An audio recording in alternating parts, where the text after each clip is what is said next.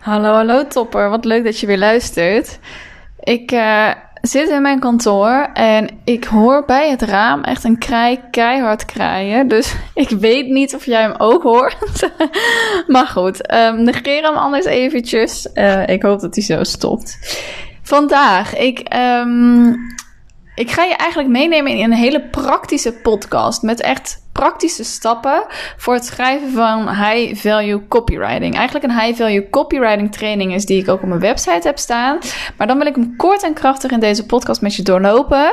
Omdat ik merk dat de laatste tijd um, dat ik veel ondernemers heb gesproken die er een beetje tegenaan lopen van... hey, hoe schrijf je nou een goede converterende post? En heb je daar niet handige stappen voor? Nou, die heb ik. Ik heb een high-value copywriting training gemaakt. Die is ook aan te schaffen via mijn website.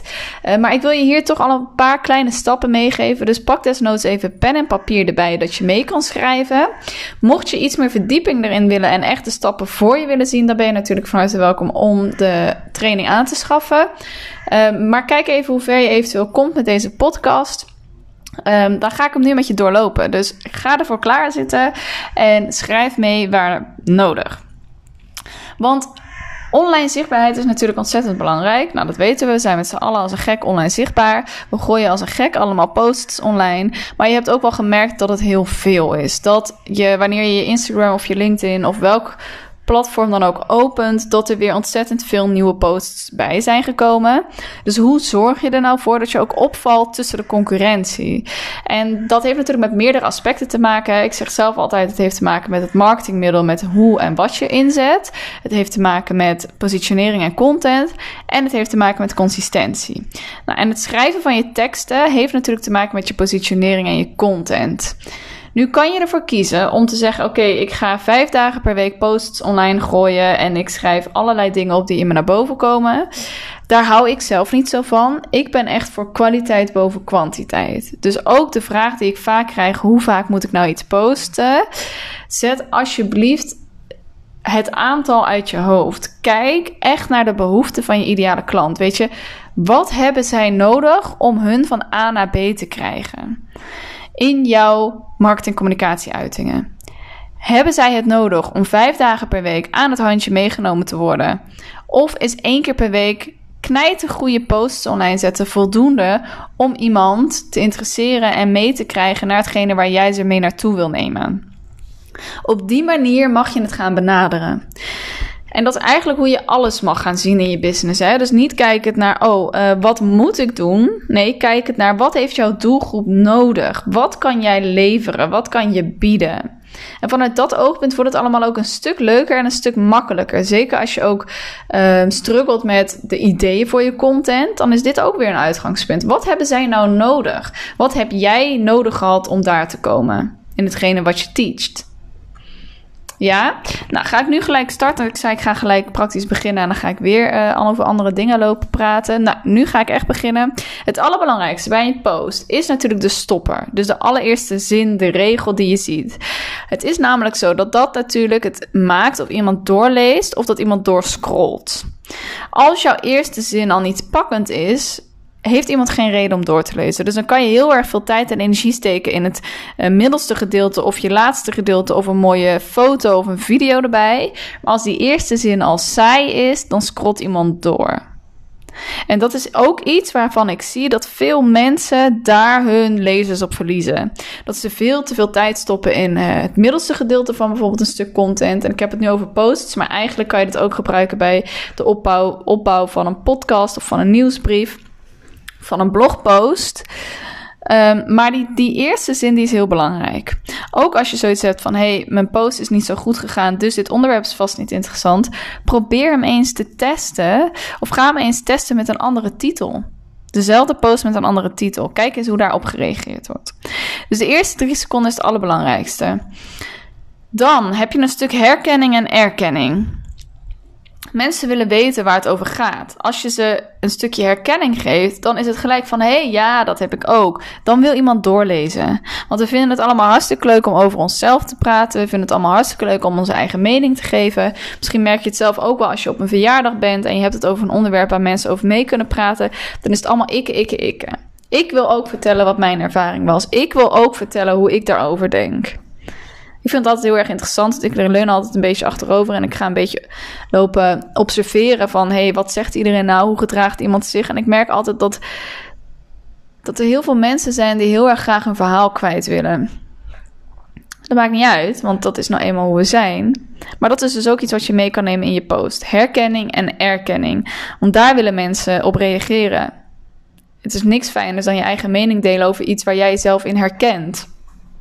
Of juist om bevestiging te krijgen over iets, eh, over het stuk erkenning. Hè? Dus uh, over een situatie uh, wat jij ook hebt meegemaakt.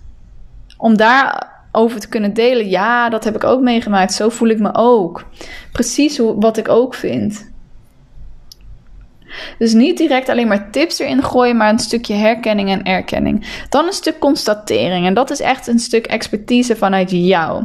Stel je bent leefstijlcoach, dan heb je een triggerende zin. Dan een stukje herkenning en erkenning. Um, dus weet ik veel dat iemand uh, nooit een dieet vol kan houden. Dat is iets waar mensen zich vaak in herkennen. En een stuk constatering. Dus jij hebt geconstateerd waar dat bijvoorbeeld door komt. Want daar help je iemand ook mee. Daar kan iemand iets mee. Want ze zijn getriggerd, ze herkennen zich erin en dan kom je met een constatering. En dat zegt gelijk iets over jouw expertise. Dus mensen willen doorlezen. Mensen nemen jou gelijk serieus. Vervolgens kan je doorgaan in een stukje waarde of storytelling. Dus een stuk waarde over. Hè, dat kan je een beetje hetzelfde zien als tips, maar dan de manier waarop je hem deelt is een stuk storytelling. Dus je kan bijvoorbeeld een verhaal aanhalen wat jij hebt gezien bij een klant. Je kan een verhaal aanhalen hoe jij het zelf hebt ervaren. Met vervolgens natuurlijk een kleine oplossing erbij. En je sluit je post af met een call to action. En een call to action is niet altijd een verkooppunt. Je hoeft niet altijd te verkopen in je call to action. Dat is iets waar ik het laatst met een klant over had. Zij dacht: Oh, ik dacht dat ik altijd een aanbod moest doen in mijn call to action. Nee, je verwijst altijd ergens naartoe. Of je vraagt om iemand zijn mening of reactie. Maar een call to action is natuurlijk, nou ja, iemand aanzetten tot een actie. Dus dat kan ook zijn dat jij een post schrijft um, en vervolgens wil je iemand leiden naar een podcastaflevering die jij erover hebt opgenomen, omdat die iets meer verdieping geeft over dat onderwerp. Dan, dan verwijs je iemand door naar die podcastaflevering. Het kan ook zijn dat jij in een lancering zit en dat jij volgende week een nieuw programma lanceert. Dus dan wordt jouw call to action uh, dat iemand zich kan inschrijven voor de wachtlijst. Ik zou je eigenlijk in 9 van de 10 keer niet aanraden als je niet in een lancering zit om te gaan verkopen in je call to action. Waarom niet? Omdat het best wel rauw op iemand zijn dak valt. Plus, we openen vaak een social media platform niet om iets te kopen, maar we openen iets om geïnspireerd te worden of om een mening te delen dan voelen mensen zich belangrijk. Dus als jij eerst een post super sterk hebt opgebouwd met de punten die ik zojuist benoemd heb, en dan kom jij met een aanbieding of met een uh, aanbod, dat voelt niet helemaal zuiver. Dan voelt het alsof je eerst die informatie geeft om vervolgens iets eruit te kunnen halen.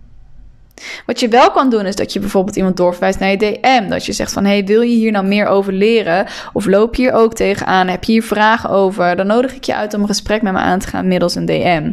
Ik ga graag met je in gesprek of deel eens jouw ervaring met mij in de reacties. Of deel jouw ervaring eens met mij in mijn DM. En dan kan je vanuit daar iemand zijn behoefte weer peilen. En eventueel vanuit daar iemand weer in een call krijgen om te kijken of je iemand echt kan verder helpen met je aanbod. Maar deze punten zijn heel erg belangrijk bij het schrijven van posts of andere stukken content. Ja, dus verkopen doe je niet altijd in de call to action. Die trigger is het aller, aller, allerbelangrijkste in jouw stuk content. En met alles, hè. Kijk, stel jij hebt een gratis weggever uh, en die wordt niet goed gedownload, dan hoeft het niet te liggen aan de inhoud van jouw weggever. Dan ligt het 9 van de 10 keer aan de titel van je weggever. Dus ook daarin kijk naar de titel van je weggever. Kijk naar de titel van je programma's. Kijk naar de titel van jouw eigen functie. Wat heb jij op Instagram en LinkedIn staan? En nu wijk ik een klein beetje af, maar ik wil je daarmee inzichtelijk geven dat een titel altijd bepalend is voor de actie die vervolgens wordt ondernomen. Dus als iets niet converteert, kijk dan als eerst naar die titel. Vind je het lastig om de juiste titel te bepalen? Vraag hem dan uit aan je doelgroep. Sowieso met alles. Als je ergens niet helemaal weet van hebt, vraag het uit aan je doelgroep.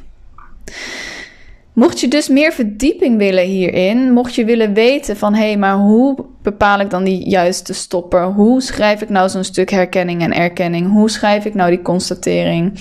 Hoe schrijf ik nou in storytelling die tips? Wat voor call to actions kan ik nou doen? Dat je daar ook concrete voorbeelden bij wilt zien. Dan nodig ik je uit om eventjes mijn high eh, value copywriting training aan te, aan te schaffen. Sorry. Uh, dat kan via evenwensnl slash high-copywriting-training. Ik zal de link ook nog even in de beschrijving zetten van deze aflevering. De training is slechts 37 euro ex-BTW, dus dat zijn echt niet de hoogste uh, kosten. Maar je gaat er wel heel veel uithalen. Ik heb er ontzettend enthousiaste reacties op gehad. Laatst gaf ik hem ook in een live training waarbij iemand zei: Nou, dit is echt iets waar ik al heel lang naar op zoek was, waar niemand mij iets over kon delen. Maar precies deze stappen heb ik nodig. Dus je kan het voor alle stukken content toepassen. Dus alsjeblieft, als je hiermee struggelt en je weet niet hoe je dit het beste inzet, maar je bent wel consistent met je posts, dan nodig ik je uit om eventjes deze training aan te schaffen en daar serieus mee aan de slag te gaan. Ook als je ergens tegenaan loopt, staat mijn DM natuurlijk altijd voor je open. Maar zorg er gewoon voor dat bij alles wat je doet, dat je daar gewoon super sterk in wil worden en dat je daarin investeert om daar het beste in te worden. Heel veel succes met het schrijven van je content. Ik hoop dat je wat hebt gehad aan deze praktische tips en dat je er natuurlijk mee aan de slag kan. Ook heel erg leuk als je mij laat weten wat het voor jou heeft gedaan en dat je in de DM even met me deelt hoe jij het hebt toegepast. Dan um, ben ik natuurlijk heel erg benieuwd naar de resultaten. Heel veel succes!